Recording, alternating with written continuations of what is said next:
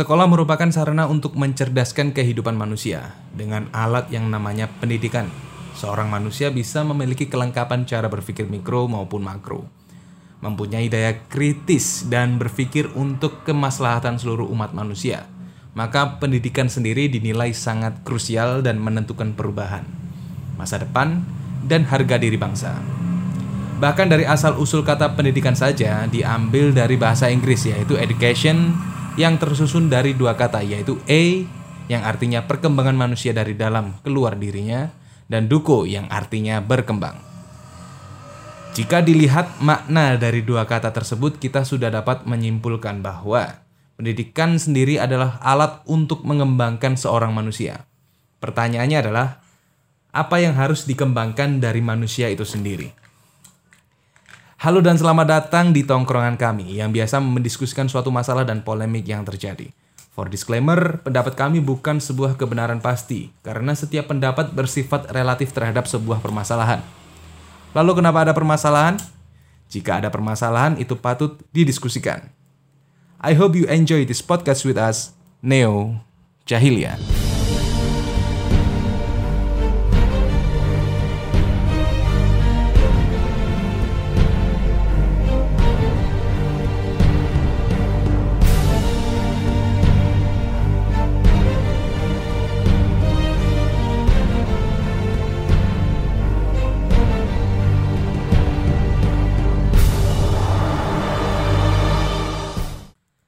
Assalamualaikum warahmatullahi wabarakatuh. Selamat datang dan selamat mendengarkan diskusi kami. Saya berharap para pendengar podcast Neo Jahiliyah sudah menyiapkan kopi, rokok mungkin bagi yang merokok, uh, atau yang sedang bekerja entah pagi, sore, atau malam. Kami mengucapkan selamat berjuang untuk hidup yang memang harus diperjuangkan. Bagi ibu-ibu yang lagi di rumah masakin buat keluarga juga, kami doakan masakannya nggak kasinan ya, karena terlalu fokus mendengarkan percakapan kita, Kijang 2. Ya, kami berharap juga podcast ini dapat memberikan informasi dan pra solusi agar tidak hanya memaham menemani para pendengar di waktu sibuk maupun sedang bekerja. Ya, tepat sekali. Tanpa berlama-lama lagi, kita langsung saja ke topik utama pada episode ketiga kali ini, Kijang 2, yang membahas tentang kapitalisme di dunia pendidikan. Yang perlu kita bedah pertama adalah apa itu kapitalisme? Kapitalisme Ya. Ini menarik sekali dibahas karena saya melihat ini kata ini sudah terlanjur kotor. Kotor. Di perspektif mungkin sebagian masyarakat Indonesia. Ya, ya, ya. Karena seakan-akan kalau kapital kapitalis itu yang buruk yang buruk yang buruk kan ah. sering ada mungkin sedikit penyempitan makna antara kapitalis dan liberalis apalagi ini yeah. Iya. sangat kasihan hmm. padahal akar rumput secara etimologi katanya pun berbeda iya, iya. yang satu kebanyakan orang memahami orang yang liberalis pasti dia kapitalis padahal yo belum tentu juga orang yang liberalis itu kapitalis begitupun sebaliknya loh ya yeah, yeah. orang yang kapitalis kalau dianggap itu kapitalis itu disebut-sebut dia orang yang liberalis yeah. itu sangat kontradiktif lah kontradiktif. dengan ajarannya. Maksudnya dari asal usul katanya seperti itu. Kita melihat awal. kita melihat juga pendidikan dan kapitalisme kan sesuatu yang sangat bertolak belakang gitu loh iya. Mungkin dan kita jadikan judul. Iya. Mungkin yang pertama yang saya ingin jelaskan ini anu dulu biar tidak terjadi disinformasi. Saya mengharap yang pendapat yang saya kemukakan ini bukan sesuatu yang benar. Itu masih perspektif dari saya pribadi tentang apa sih itu kapitalisme. Yes. Ya kapitalis dulu lah. Yeah, yeah. Kalau belajar dari kata kapitalis ini adalah yang berarti mungkin secara etimologi kata yaitu pemilik modal. Pemilik modal. Ya, atau modal juga. Berarti... Bisa pemilik modal, bisa modal. Kata ini muncul mungkin di abad ke-17-an ya. Kapitalisme berasal dari kata kapital yang berevolusi menjadi kapitale. Kata lain akhir yang didasarkan pada cabut yang berarti kepala seperti itu. Oh, okay. Jadi ten, itu akar katanya yang kapan sih orang mun, menyebutkan kapitalis itu? Uh. Ya itu kalau saya cerita di abad ke-17 dulu sudah ada. Yeah, yeah. Tetapi sangat uh, bermakna sekali ketika salah satu filsuf yang bernama Karl Marx yeah Karl Marx yang membuat uh, pemikirannya dalam buku Das Kapital, das Kapital. dia baru menjelaskan walaupun tidak secara implisit itu apa kapital, uh. kapitalis, dia menyebutkan bahwa kapital adalah pemilik modal. Jadi yang memiliki atas resource lah, yeah. sumber daya, uh. modal. Kalau melihat konteksnya ketika saat itu di abad ke 19 18 itu adalah pemilik uang. Jadi sumber daya apa pun yang berhubungan dengan sumber daya dia adalah kapital seperti itu pemiliknya. Nah pertanyaannya apakah si Karl Marx ini ya. itu juga pelaku kapitalis atau bukan? Kalau saya melihatnya dia itu akhirnya ya kalau pelaku ketika mungkin ketika saat itu dia mungkin ya bisa relatif bisa berposisi sebagai pelaku bisa berposisi juga sebagai orang yang tidak berka anu tidak mama apa menerapkan kapitalis. Oh. Karena pada pemikiran-pemikiran dari buku Das Kapital ini Karl Marx sangat uh, menjelaskan beberapa seperti masyarakat kaum borjuis, kaum proletar dan lain-lain. Hmm. Di mana kaum borjuis ini yang mungkin masyarakat ya kelas bawah lah. Saya kalau saya menggambarkannya loh ya, itu itu masih apa ya? Uh, interpretasi Gambar. dari hmm. saya sendiri tentang ah, okay. mungkin masyarakat kelas bawah ini menggugat masyarakat kelas atas eh, kelas atas seperti itu proletar tentunya yeah. karena masyarakat proletar ini terlalu apa ya hitungannya terlalu menguasai lah seperti itu. Oke. Okay. Dan juga bisa dilihat di lingkungan kita sendiri ya yeah. bahwa kapitalisme tidak di demokrat di, tidak didemonstrasi secara lantang atau secara secara laut lah ya. Secara keras bahwa saya melakukan kapitalisme tentu saja tidak. Tapi prakteknya ya. sudah sangat jelas di lapangan bahwa yang memang menentukan uh, kebenaran atau dan sebagainya adalah orang yang memiliki modal dan relatifnya orang yang memiliki modal adalah seorang pedagang ya kapitalis itu ya bisa juga dikatakan cara produksi lah. Cara produksi sebenarnya ya, ya substansi ya, bisa bisa bisa bisa bisa dikatakan cara produksi. Ya itu produksi apa? Ya tergantung. Kalau dia produksi barang ya produksi barang. Kalau produksi jasa ya jasa. Ah. mungkin kalau saya contohkan ya segampangnya gini. Contoh ketika, konkret ya, ya konkret gitu ya. ketika ada seseorang ya kita ambil aja namanya ini si A si B. Si A si B ini bekerja dengan orang si C Oke. Okay. Ya, si C ini memiliki usaha di bidang ya segampangannya di bidang produksi pakaian. Oke. Okay. Seperti itulah pakaian. Nah, si C ini dalam se produksinya dia selalu menghabiskan modal untuk usahanya. Modal usahanya itu agar dia bisa produksi pakaian itu sekitar anggap saja 2000. Oke. Okay. 2000 ya, dia hmm. bisa produksi tetapi uh, pendapatan yang didapatkan ya. dia itu sepuluh ribu. Oke. Okay. Ya, nah, sebentar, sebentar, sebentar. Ini produksi bahan bakunya aja dua ribu. Ya. Dua ribu bahan bahan baku. Bahan baku, terus sepuluh ribu pendapatannya. Ditambah dua ribu ini plus seribu.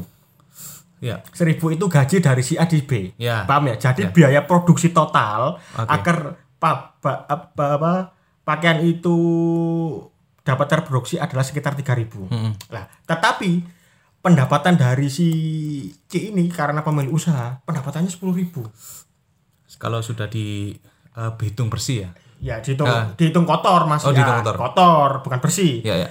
10.000 ini omsetnya, 3.000 adalah biaya atau HPP lah. Bahasanya mungkin anak-anak ekonomi HPP sih gampangnya itu. Harga pokok pembelian. Penjualan, mohon maaf. 3.000. Kan ada margin ini Nah. Sepuluh ribu sama tiga ribu. Ya. Tujuh ribu. Nah. Lah.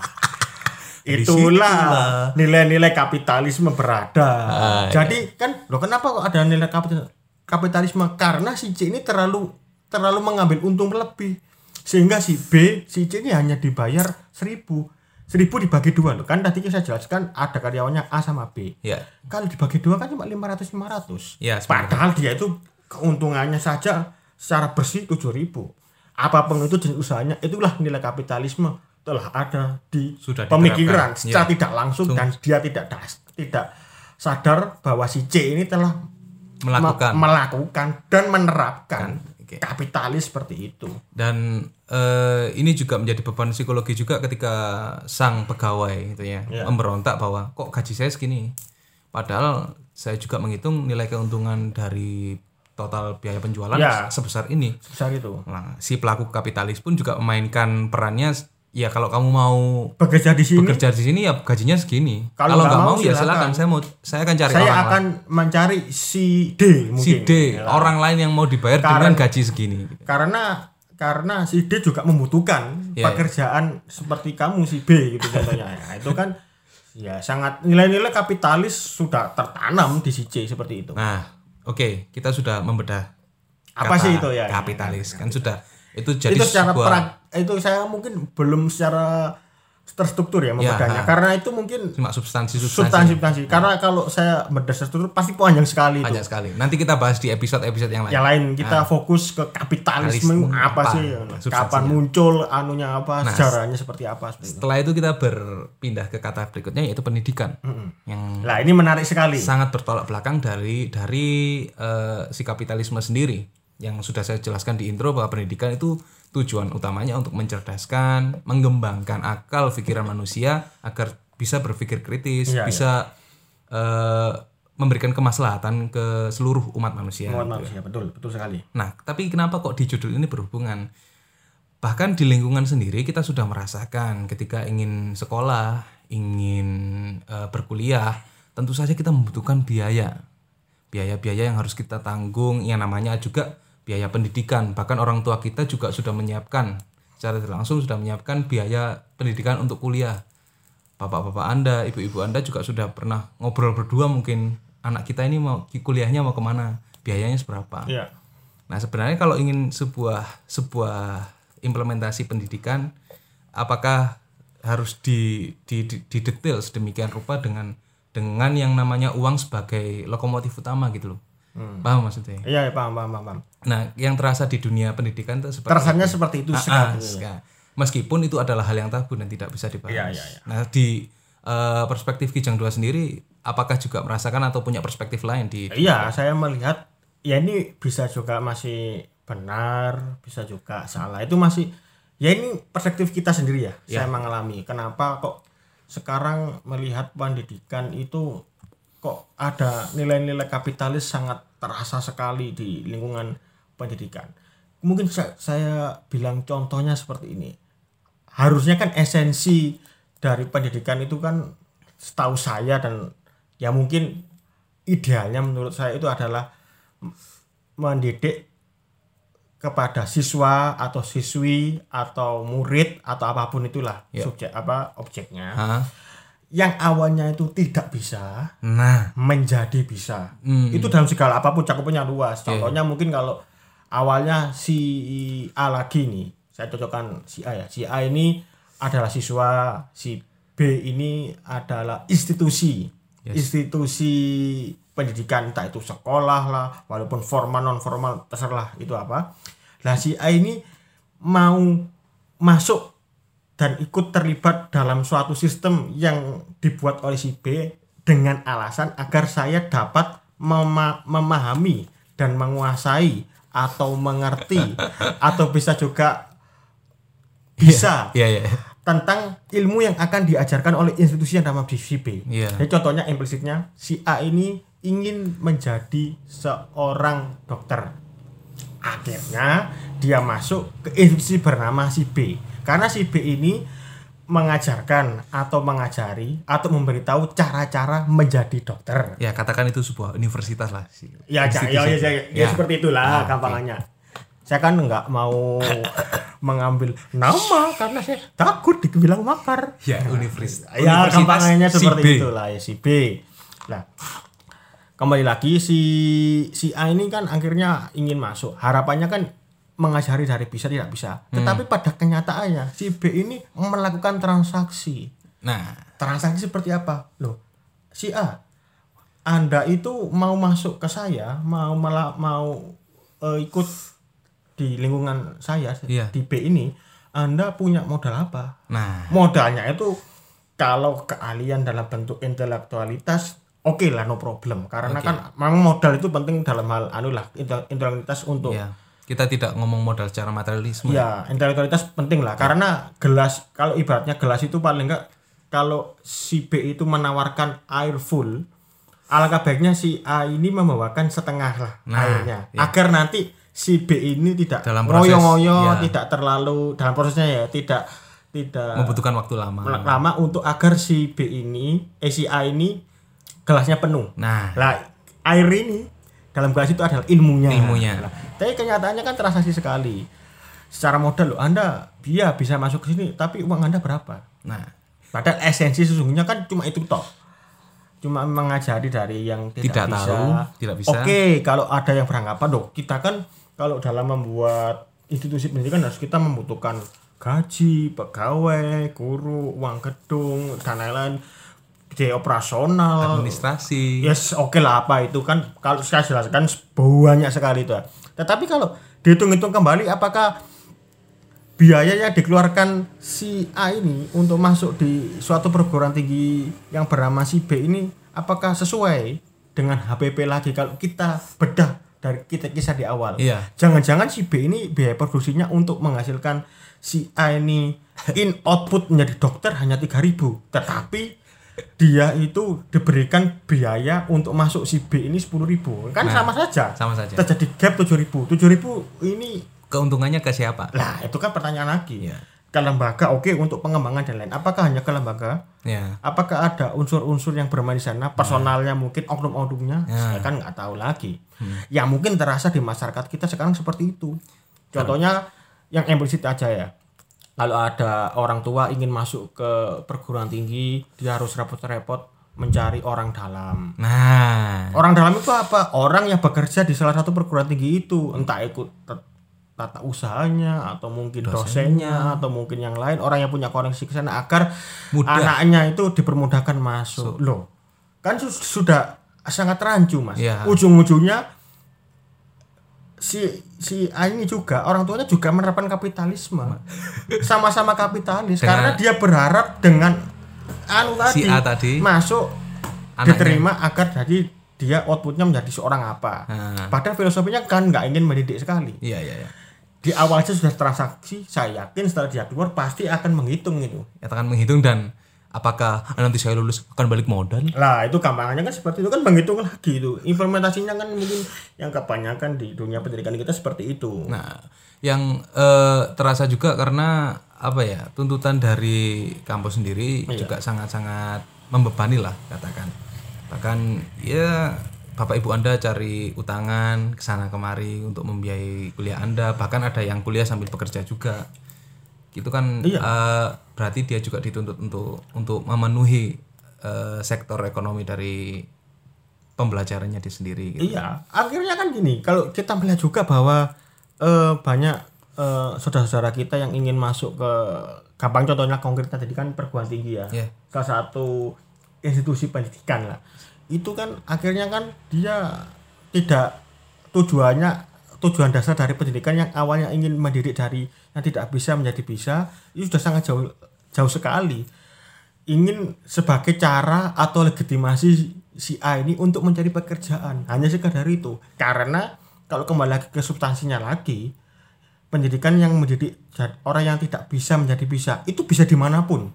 Tidak hanya di universitas di, itu. ya, ya. bisa anda tanya ke siapa ahli siapa pun belajarnya pun bisa bisa ke mana saja, bahkan mana saja. Bahkan sekarang akses internet sangat mudah didapatkan iya. dengan dengan semua sumber yang sudah disediakan di internet, Anda bisa baca literasinya, iya. Anda bisa pelajari dengan waktu hanya satu tahun dua tahun Anda sudah, sudah secara bisa. pengetahuan sudah, sudah hampir sama dengan sarjana iya. ya. Gampangnya gini, ketika Anda ingin menjadi dokter, Anda kan harus masuk ke lembaga institusi yang namanya universitas. Yes.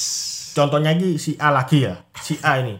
Ada si B, dia ingin menjadi dokter tapi karena yang dicari adalah ilmu dia nggak harus harus melakukan melakukan seperti yang si A untuk masuk ke universitas dia belajar dengan literasi yang lain dengan cara yang lain ya. dengan mungkin metode yang, yang lain. lain yang tidak dilakukan di kampus juga ya mungkin dia belajar ke ahli langsung ya. ke dokter ya. atau mencari sendiri apa itu dunia kesehatan dan lain-lain ya. akhirnya si B ini juga tahu apa yang dikatakan si A si yang dimiliki si A. Maksudnya yeah. dikatakan yang dimiliki si A. Ilmunya sama. Hmm. bisa kita asumsikan ilmunya sama. Yeah, yeah. kira-kira pulang untuk menjadi dokter mengingat ilmunya yang sama siapa yang lebih besar?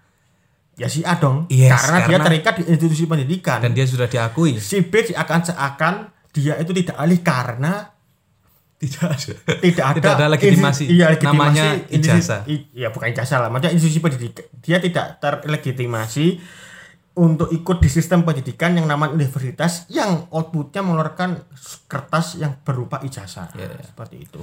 Padahal toh si B ini juga berpikir juga untuk menjadi dokter juga bela belajar ke yang lain. Nah, yang juga menjadi permasalahan kan yang dipermasalahkan orang atau perusahaan atau institusi. Iya. Itu kan kalau mau bekerja atau mendapat sebuah pekerjaan dengan apa yang kamu suka apa yang anu, kan kamu harus butuh ijazah. Ya. tidak semata-mata karena kamu sudah karena nggak ada jaminan nggak ada yang membuktikan hei kamu ahli apa ahli contohnya ada kedokteran lah pedagang.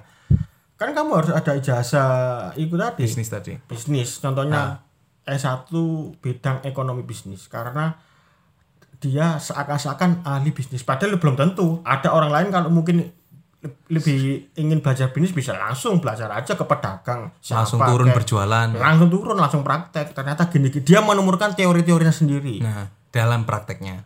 Substansinya kan ya sama, bisa-bisa pedagang tapi kenapa kok harus harus kuliah dulu lah ya ya, ya, ya. itu kan juga menjadi aneh ha, gitu. dan banyak juga output-output dari dari perguruan tinggi juga yang ternyata jurusannya apa bekerjanya di mana gitu iya, kan? dengannya tidak sesuai dengan jurusan ada ada yang saya menemukan juga kasus ada banyak lah. Ada yang jurusannya perikanan pekerjaannya dia malah membuka usaha ber, dan berjualan eh, bantal bantal bayi iya, bantal iya, bayi. iya. dan dia berhasil di sana. Kita kan sebagai orang orang awam yang belum mengenal dia secara penuh iya. itu menganggap bahwa lo kan potensi kamu itu di diperdagang kenapa iya dulunya masuk masuk universitas dan fakultas perikanan ini iya. kan sangat bertolak belakang. Iya. Nah permasalahan pendidikan ini apakah apakah si institusi, apakah si pengelola kecerdasan dan intelektual manusianya ini tidak mengerti bahwa manusianya itu berpotensi di mana di bidang apa gitu? Saya rasa rasa itu anu kijang satu ya itu kompleks sekali kalau itu dibahas. Karena mohon maaf ya kita sudah salah ketika identifikasi di pendidikan usia dini. Oh iya, iya. Itu sangat fatal. Kenapa saya melihatnya fatal? Kesalahan kita itu di pendidikan usia dini cenderung karena siswa di SD aja lah, usia dini SD atau TK atau PAUD. Dia sudah banyak dicekoki oleh materi-materi pelajaran yang mungkin menurut saya itu belum waktunya.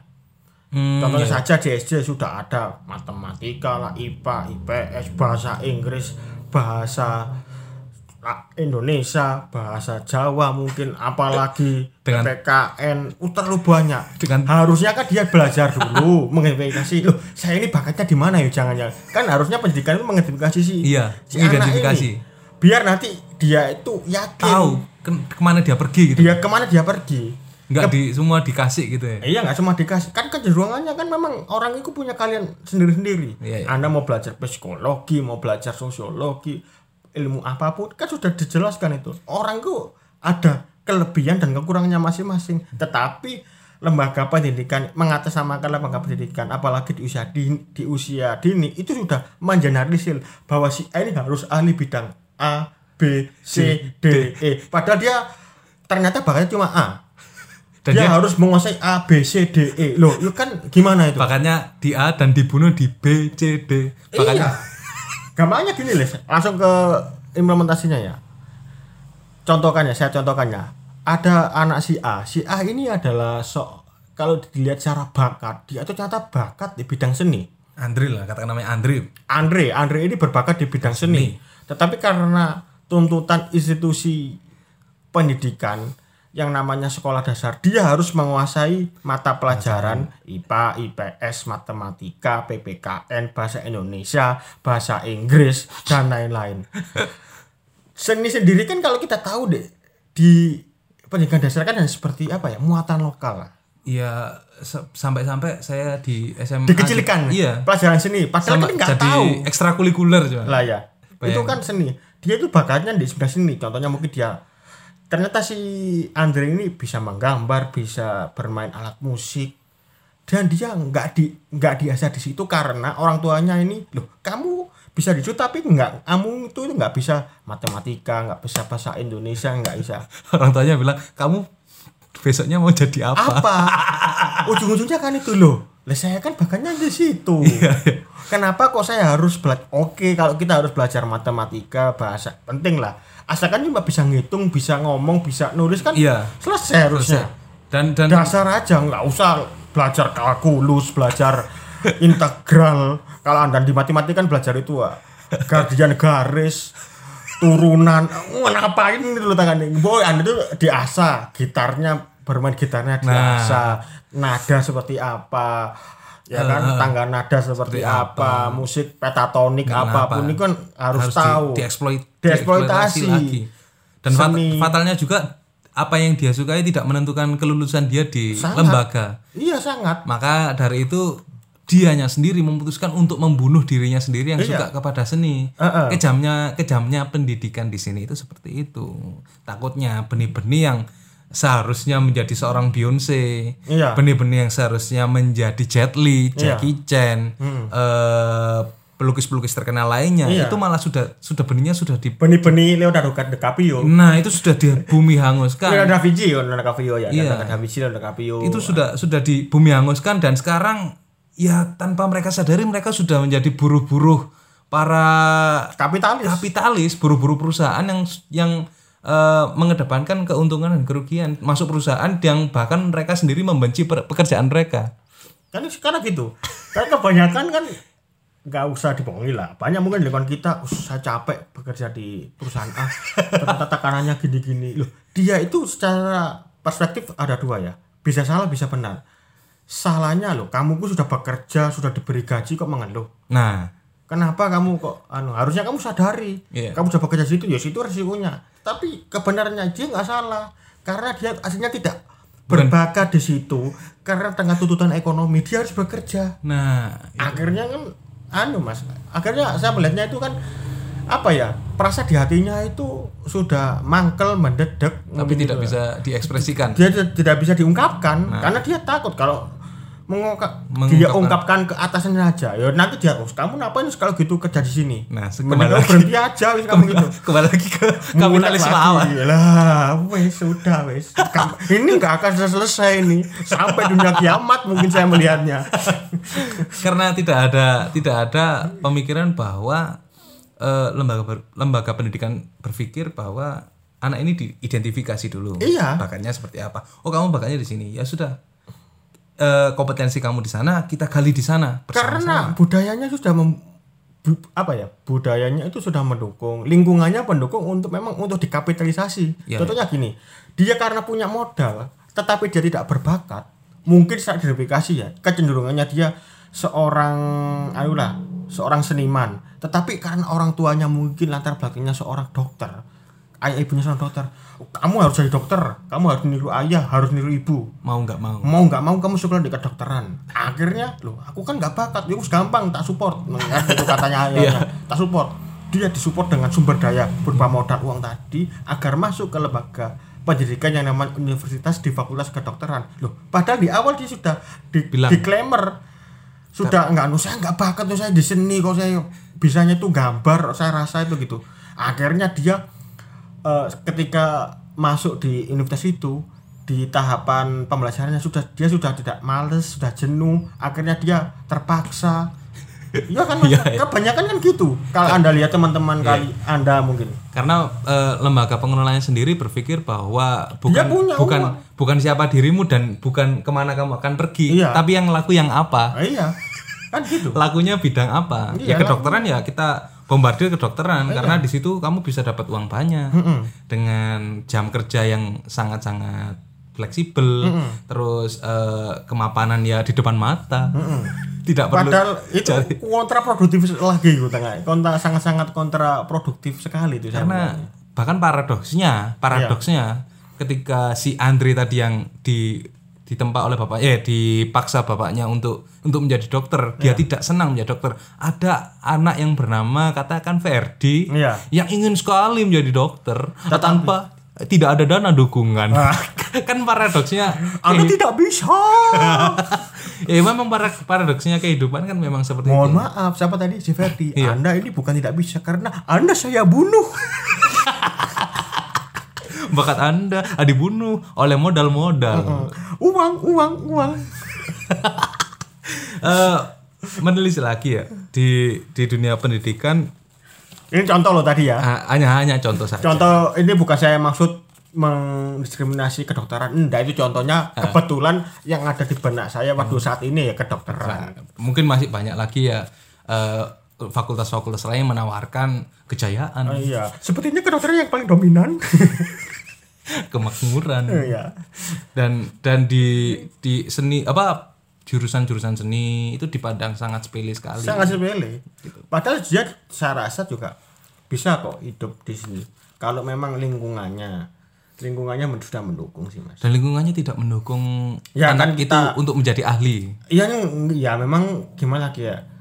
Kalau juga perannya itu multidimensi saya melihatnya. Hmm. apresiasi juga kalau masyarakat cenderung untuk ke bidang seni kan sangat minim ya apresiasi contohnya kalau anda mau mendengarkan lagu atau musik yang diciptakan oleh seorang karya orang seni hmm. seorang pemusik yeah, yeah. itu ya itu kan anda kebanyakan masyarakat Indonesia ini ambil yang bajakan nggak mau beli secara original. original padahal original itu dibeli harapannya itu bukan ya ada kesan kapitalisme ada, ada. tapi kan menghargai karena dia itu sudah capek-capek luangkan waktu dan ini sebagai apa ya uh, hidup dia. Akhirnya Bisa harusnya dia. kan masyarakat itu mengapresiasi dengan membeli karyanya Akan, dengan iya, iya. dengan cara orisinil lah uh. membayar dengan membeli kaset atau albumnya mungkin dengan harga sekian. Bahkan itu bentuk apresiasi ucapan terima dia, kasih. Uh, iya, iya. dia bisa berpikir bahwa musik oh ternyata musik bisa menghidupi saya. Iya. Dengan dengan lingkungannya kan ya, masih memang diperparah seperti itu sih mungkin. Nah uh, lihat lagi bahwa di pendidikan terdapat yang namanya akreditasi A, B, akreditasi B, uh, uh. akreditasi C. Nah, sebenarnya tujuannya apa sih? Saya ya mungkin mungkin ya di situlah sedikit terselundupkan ide-ide kapitalis. Loh iya mas. Sekarang kan sangat general, general sangat general sekali. Orang itu kalau gampangnya kalau di akreditasi A, B, C, D ini kan macam-macam mas yeah. indikatornya tentang masalah fasilitas, lalu jumlah dosen mungkin, jumlah lulusannya berapa hmm. dan lain-lain. Toh itu ujung-ujungnya bisa sebagai faktor, tapi apakah yang mendominasi yang mendominasi dalam esensi pendidikan? Nah, ya Anda juga kan? Ya, ya kembali lagi ke siswanya. Ya, mau Anda gampangnya gini. Anda masuk di perguruan tinggi dengan akreditasi A. Tapi anaknya ini memang Males malas ya? ma bukan malas. Dia memang sudah tidak berkeinginan untuk ke eh. sana. Eh. akhirnya gairah dia untuk belajar, belajar. pun nggak ada. Si A universitas A ini dengan varietas yang komplit dosennya suka mumpuni ya. Outputnya dia tetap aja jadi anu. Nah, outputnya dengan akreditasi A output tapi C. Bisa juga kan?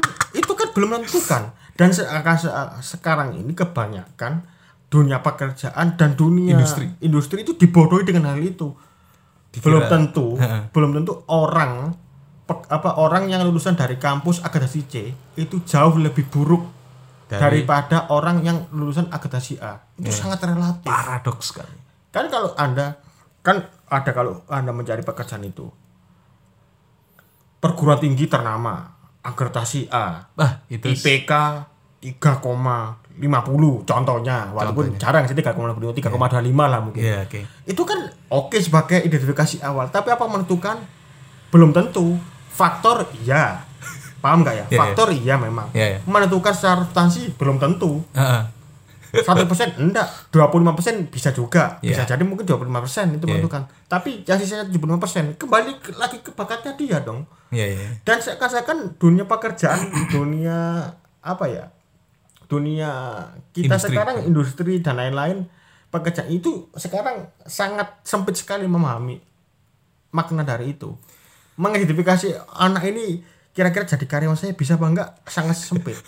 Akhirnya akhirnya muncul lagi enggak? Dengan rasa ketidakpercayaan itu industri ketika anda mau masuk ke perusahaan saya anda harus melakukan tes psikologi tes potensi akademik dan loh lagi gunanya akreditasi ini apa? Kalau sudah kalau masih dites. Kalau masih dites ini lah. Berarti kan paradok lagi itu perusahaan sendiri juga meragukan meragukan lagi. kompetensi dari Loh, si anda itu tadi. menulis-nulis akreditasi sudah menulis penilaian. Loh. tapi anda itu masih saya nggak setuju dengan penilaian itu. Loh ngapot Ada. ngapain di- ditulis.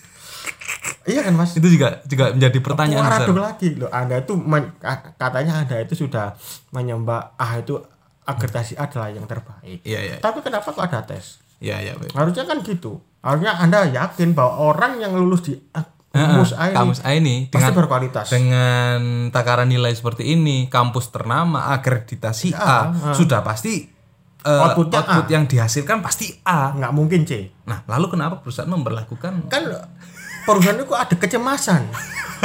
Saya lihat ternyata ku pendidikan di sini yuk. Kok tidak begitu ma.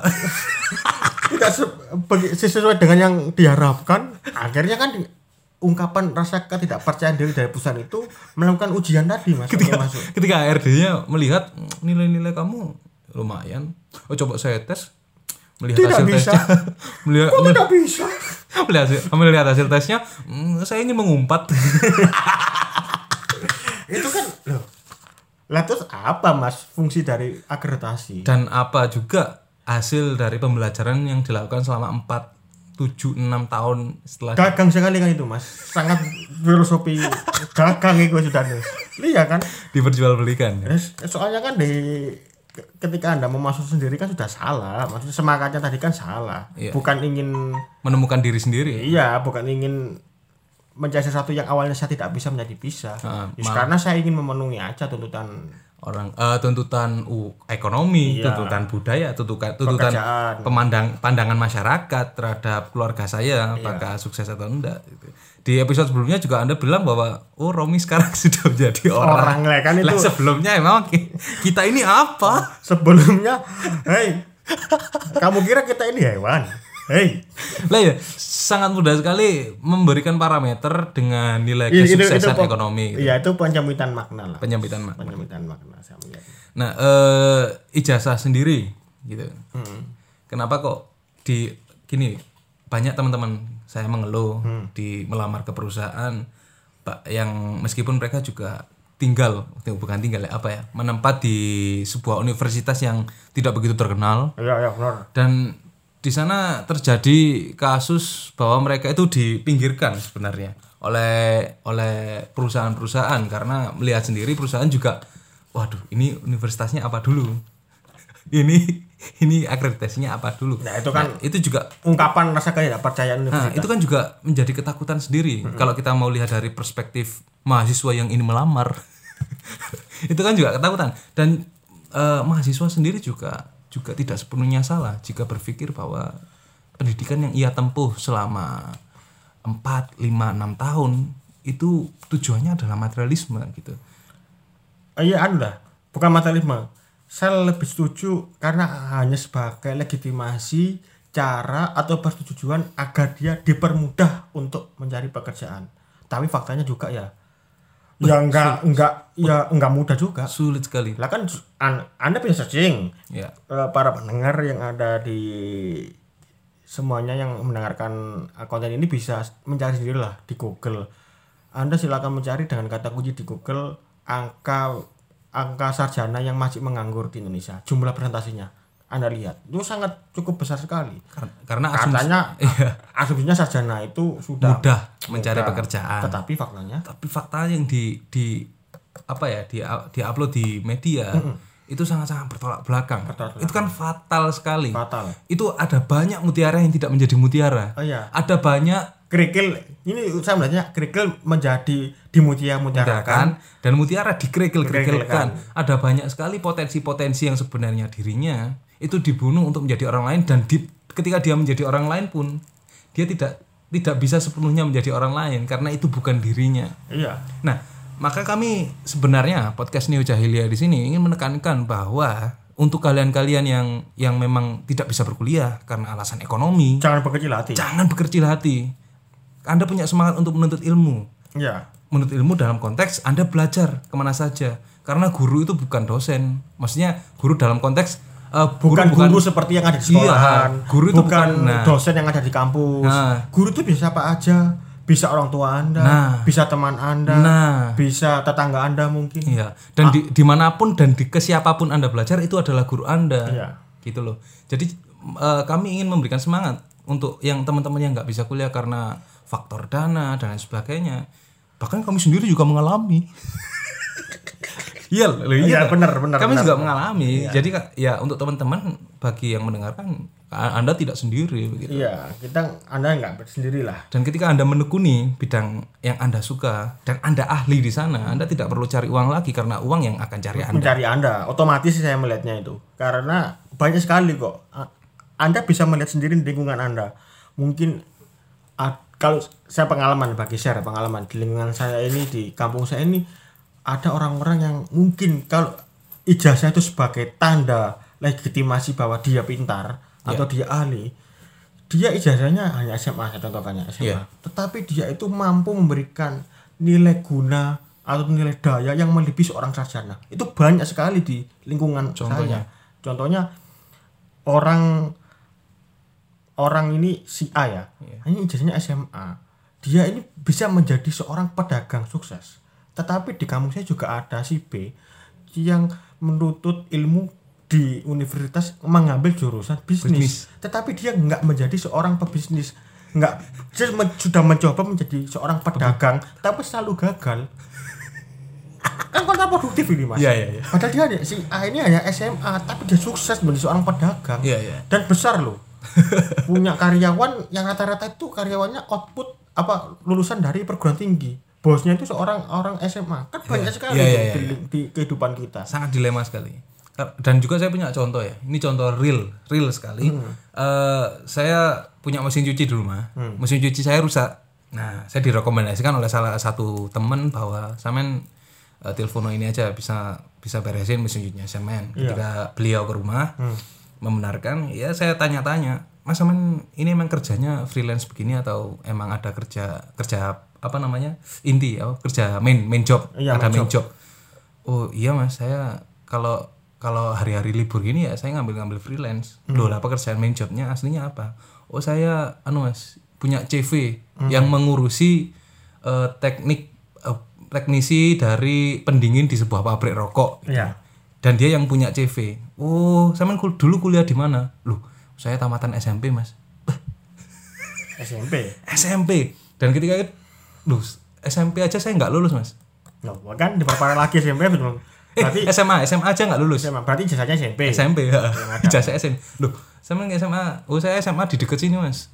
Dulu waktu itu saya sebenarnya nggak paham juga sekolah yeah. ini untuk apa. Yeah. Jadi ketika SMA saya saya mikir janjane saya ini sekolah ini untuk apa gitu. Akhirnya dia sekolah berangkat sekolah cuma sampai di depan di depan pagar sekolah. Yeah. Duduk sama satpam, ngopi, ngerokok.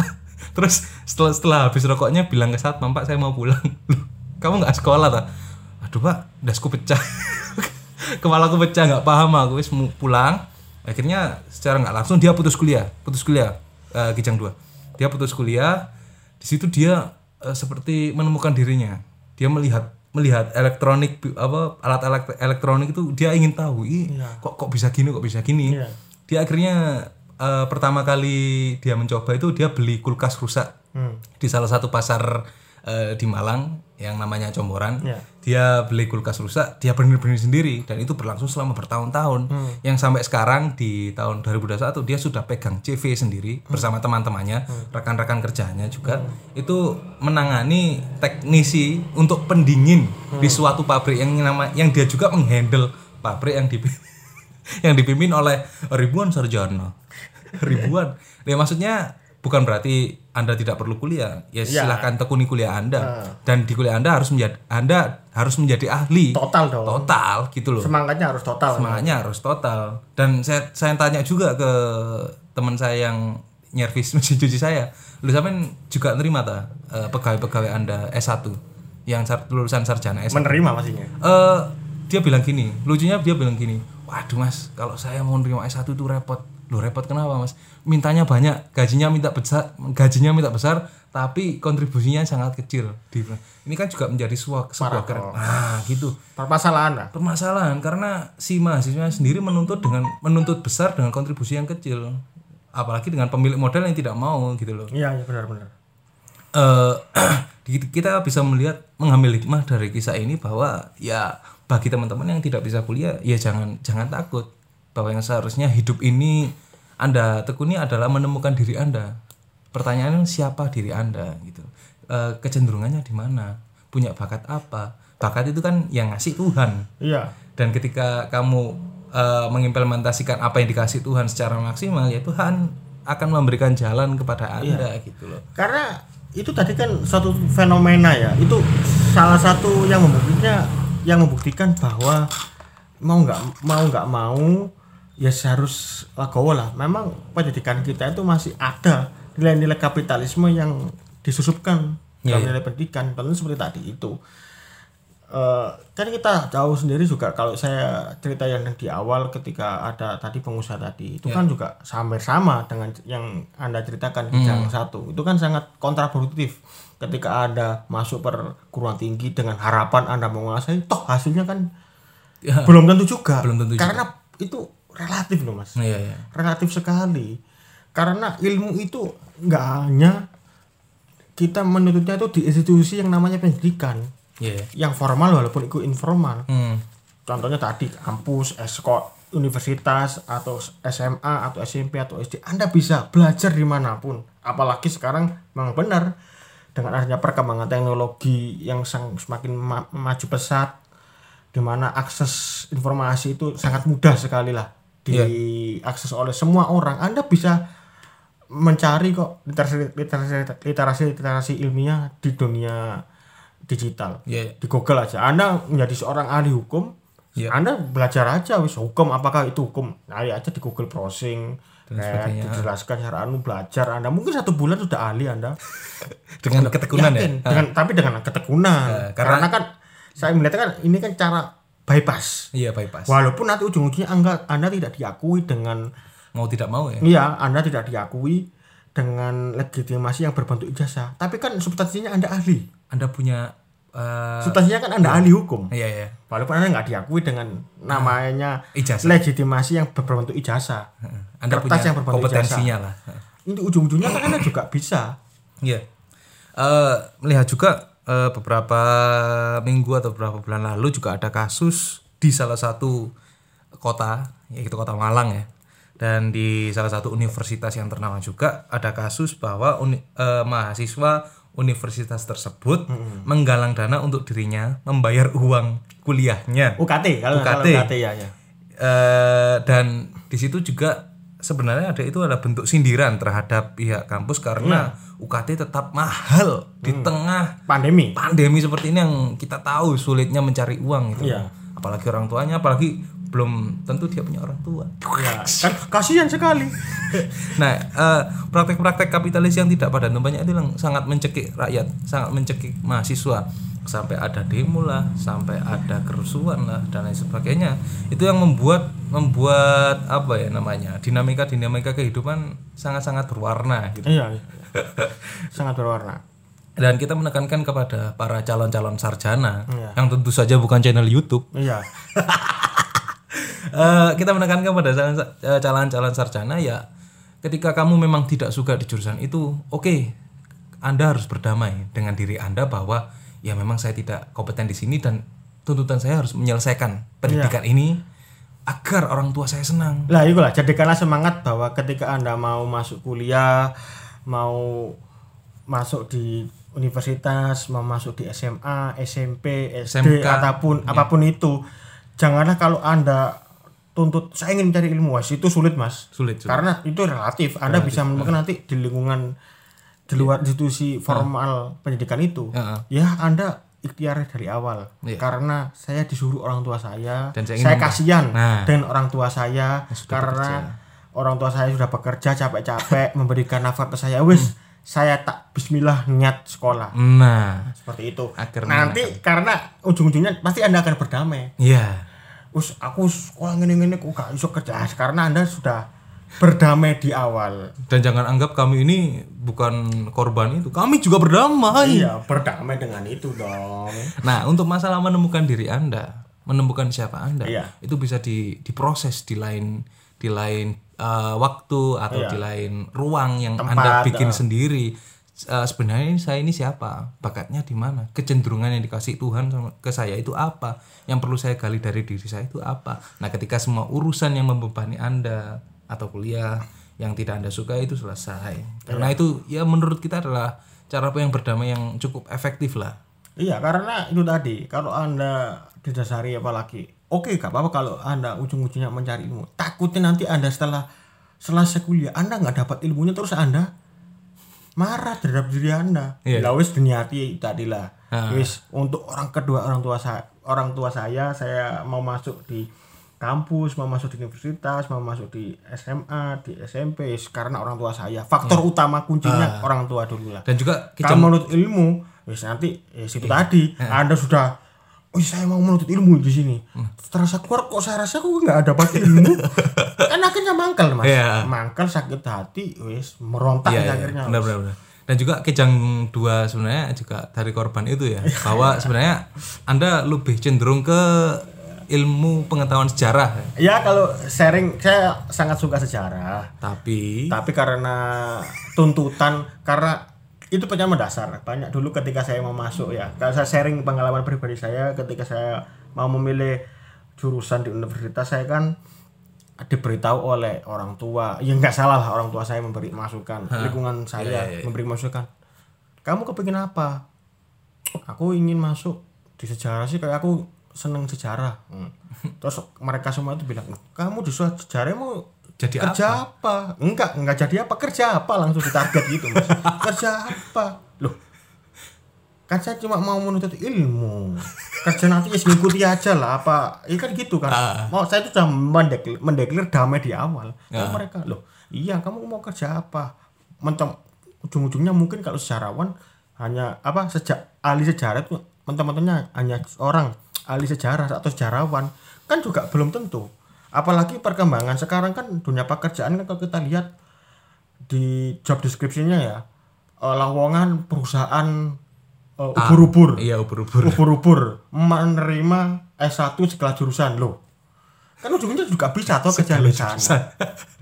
nah terus Segala jurusan lagi. kalau kita kontra lagi loh ujung-ujungnya ngapain ada fakultas dalam universitas ada sekat-sekat Ya juga ya. Ilmu. Nah, untuk apa? Gitu? ujung-ujungnya kan kalau perusahaan kan membuka Segala S1 jurusan. segala jurusan loh Iya, iya. jobnya anggap aja marketing Ah. Kayak paling banyak kan kalau saya melihat itu eh, job marketing itu kan S1 segala jurusan loh nah, terus fungsinya Eh. jurusan marketing itu apa kalau di- dia itu masih nggak Ah, percaya iya, diri iya, iya. Ah. dengan keahliannya Iya, iya. masih perusahaan aja sampai masih membuka S1 sega- semua jurusan. Berarti menurut saya menurut saya sendiri identifikasinya bahwa perusahaan itu tidak percaya bahwa lulusan S1 marketing itu mampu memasarkan produknya Iya, iya, atau barang jasanya Ah, kembali. kan itu lagi. pasti itu mas. Sangat-sangat paradoks. gitu. paradoks sekali. Karena apa ya namanya eh kita tidak dibiarkan untuk untuk menjadi diri kita sendiri. Iya tidak dibiarkan bahkan di di Finlandia yang tahun berapa saya lupa menjadi Tolak ukur. iya menjadi kiblat lah Iya. kiblat pendidikan dulu pernah ketika dulu pernah Amerika Iya. sekarang kan kalau yang terbaru kan Finlandia Finlandia yang menerapkan jam pelajar jam belajar di sekolah secara formal itu sedikit lebih sedikit daripada jam bermain karena ketika jam bermain Iya. para para siswa para generasi generasi muda di sana bisa mengeksplor dirinya. bisa mengeksplor dirinya oh aku bakat apa ya ternyata no. Iya. kan ketika bermain kan di situ ada mungkin dia itu berlar- lari-lari Iya. pastinya bermain apa bermain mobil-mobilan Iya. jangan-jangan saya bakatnya jadi seorang mekanik ini setelah melihat mobil kan bisa terinspirasi Nah. Dari itu heeh.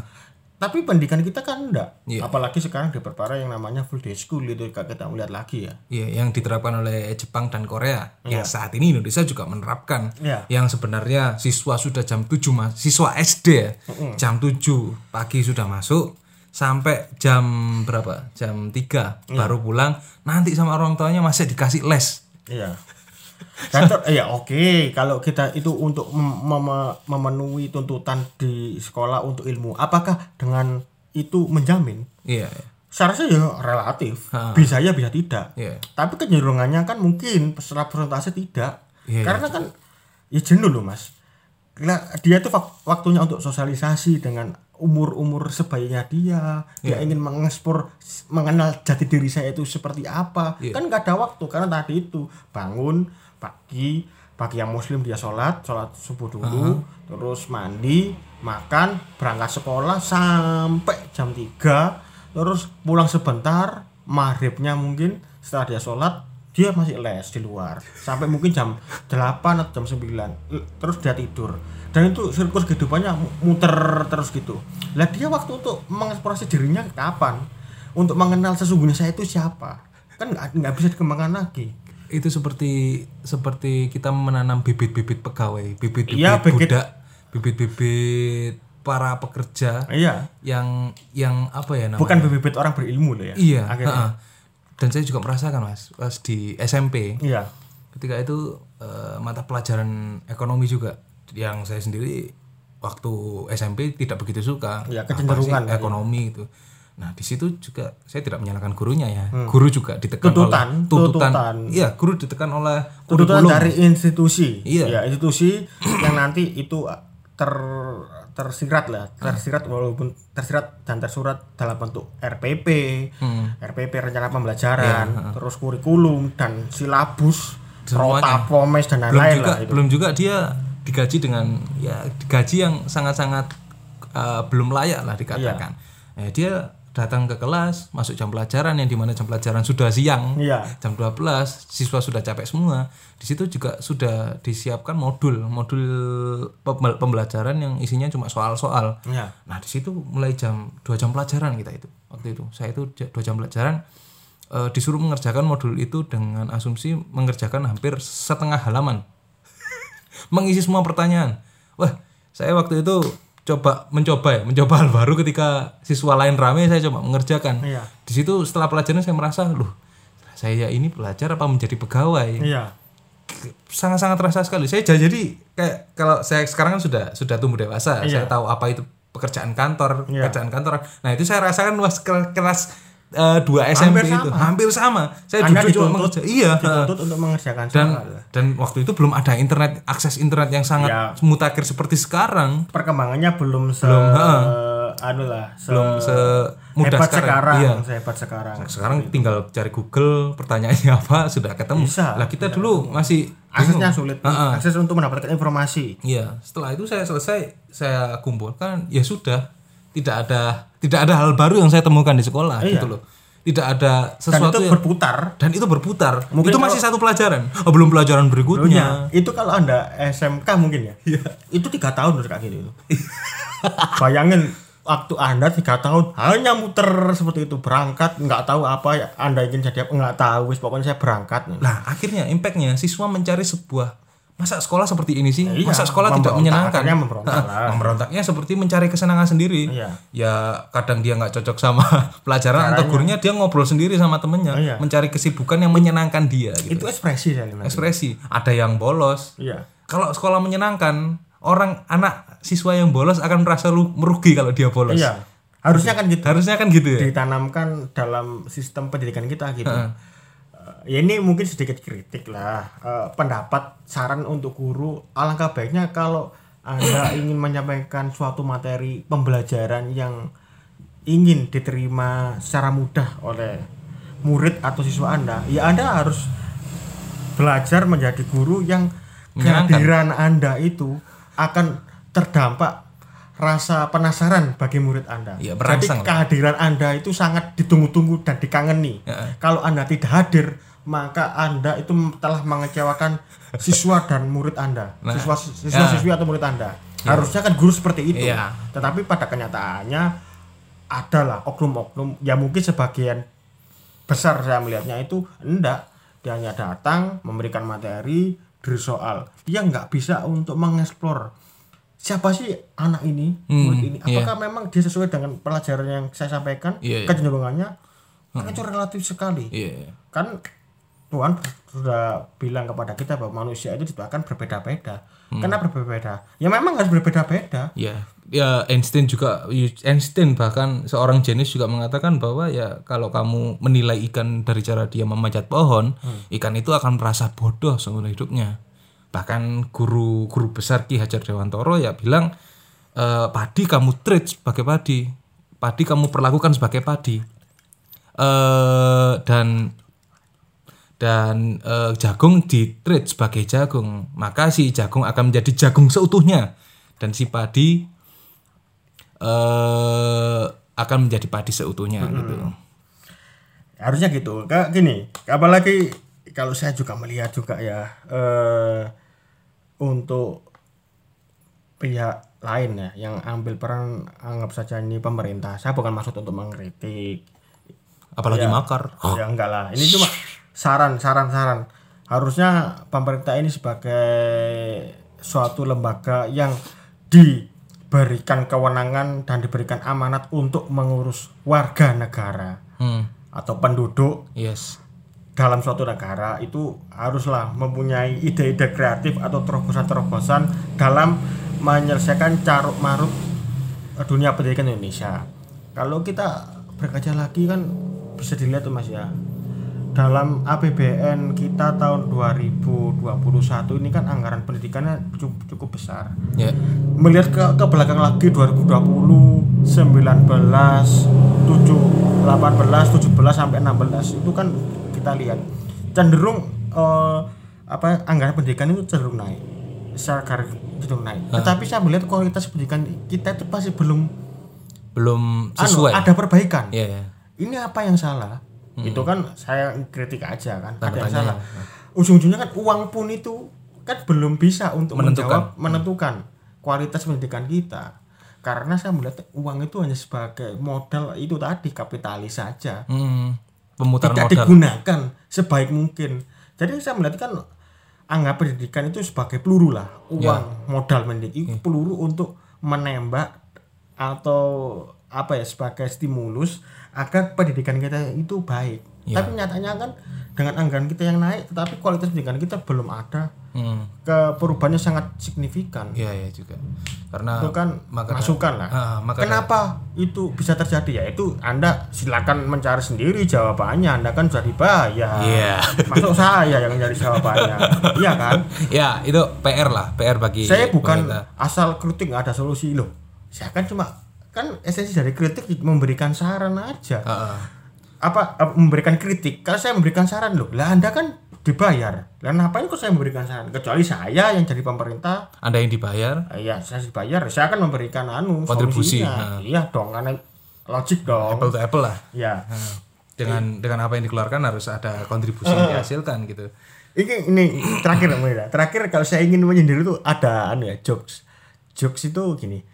Ketika saya itu eh, berdiskusi Ada dengan guyonan? eh, guyonan dengan teman saya teman saya dari ngal dari Ngalek ini. Teman saya dari Ngalek itu sering bilang gini. Ini dinas pendidikan itu sakarepe dhewe. Masuk dalam semboyannya Ki Hajar Dewantara De- Ki, Ki Hajar Dewantara itu yang terpampang dalam institusi pendidikan itu kalau di topi ya kan ada tulisannya itu ya hanya Tut Wuri Handayani ing ngarso sung tulodo ing madya mangungkarsonya itu enggak ada Ing Mangunkarso. kalau kita belajar ya Ha. itu kan juga anu ya mas ya, sedikit fatal lah kalau diartikan kan ing ngarso sung tulodo kan yang berarti di depan pemimpin harus memberi teladan Ya, artinya sama Ah. bahasa Indonesia ing majo mangkungkarso yang bermakna di tengah, Tengah. memberi bimbingan yes. ya Tut Wuri Handayani yang Di belakang, yang mengandung arti di belakang memberi dorongan yes. lah Ya. tetapi yang diterapkan dalam filosofis pendidikan kita hanya Tut Wuri Handayani yaitu yang memberi dorongan aja yang memberi bimbingan dan teladan itu tidak Tidak ada, ada. kan nggak nggak dituliskan Nggak dituliskan. dalam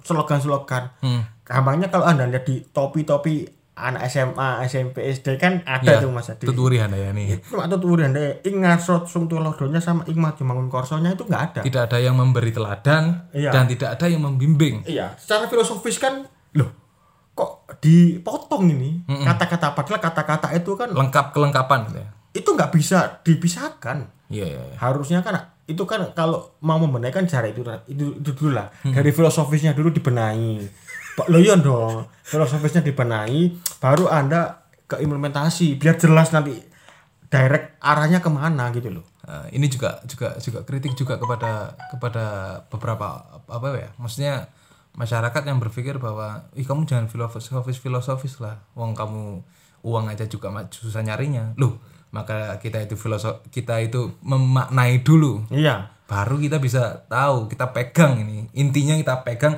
baru kita bisa melanglang buana ke mana-mana untuk mengembangkan ini loh iya, yang iya, namanya biji gitu. karena sebenarnya semua itu kalau kita mau belajar dari tumbuhan tumbuhan hmm. berasal dari biji iya. yang yang ditumbuh kembangkan melalui proses yang lama berlangsung lama iya. dan membutuhkan perawatan yang namanya penyiraman dan lain-lain intensitas iya ekosistem ekosistemnya dibangun iya. nah uh, tidak baiknya masyarakat kita itu memandang sesuatu itu ingin instan. Bypass. Bypass. Yeah. tidak mau berproses. Nah itu yang menjadi PR kita bersama yeah. bukan hanya pemerintah. Apalagi di dunia pendidikan nah contohnya itu. tadi seperti anak ini ujung-ujungnya kalau orang tuanya di awal ingin jadi dokter ya kenapa mulai kecil tidak verifikasi dia dipersiapkan menjadi dokter? Ya, itu. Dan dia harus melihat dulu verifikasinya benar apa salah. Yeah ternyata saya identifikasi di awal hmm. loh kok anak ini kecenderungannya di bidang seni ya bukan yeah, ya. dokter akhirnya yeah. kan ya. anda itu membunuh karakter anak anda dan memaksakan kehendak anda bahwa anak anda harus menjadi seorang dokter yeah, yeah. seperti itulah nah uh, mungkin cukup sekian dulu di ya, episode ketiga sudah banyak sekali karena mungkin saya jelaskan karena kalau kita mau bahas lagi itu masih bisa sangat panjang sangat sekali panjang sekali dan bagi teman-teman atau pendengar yang baru sadar akan hmm.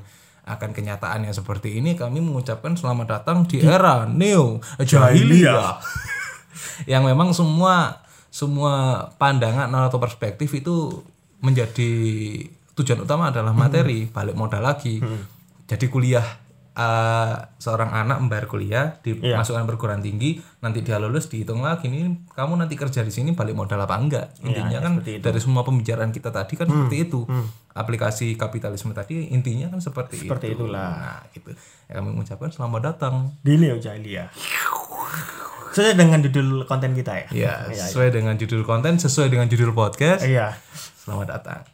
Kami ada bersama kalian. Iya. Kami ingin juga ya Ingarso Sung Tulodo dulu lah. Iya. Eh, uh, iya. Iya, benar Ingarso Tulodo, baru Ikmati Mangunkorso, baru Tuturi Handayani. Kami juga ingin memberikan, nah lewat media ini kami ingin mengimplementasikan semua itu, tidak hanya Tuturi Handayani saja. Iya, iya. Gitu.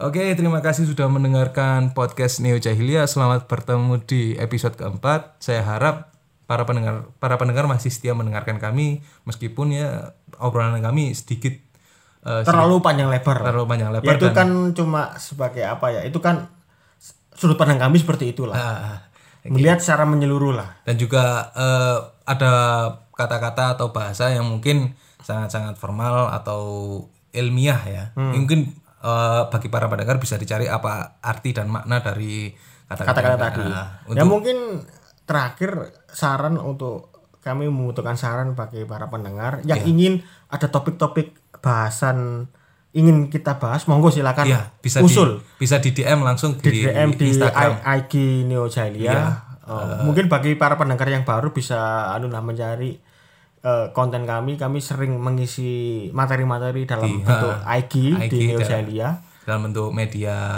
visual visual. maupun... Anda bisa silakan untuk DM ingin bahas apa lah. Nanti uh, mungkin akan kita usahakan uh, bahasan yang sesuai dengan keinginan Anda. Iya. ya tentunya mungkin dengan perspektif kami lah perspektif kita kami, perspektif kita ya, seperti gitu. itu oke okay. uh, thank you for listening us today on Neo Jahiliyah assalamualaikum warahmatullahi wabarakatuh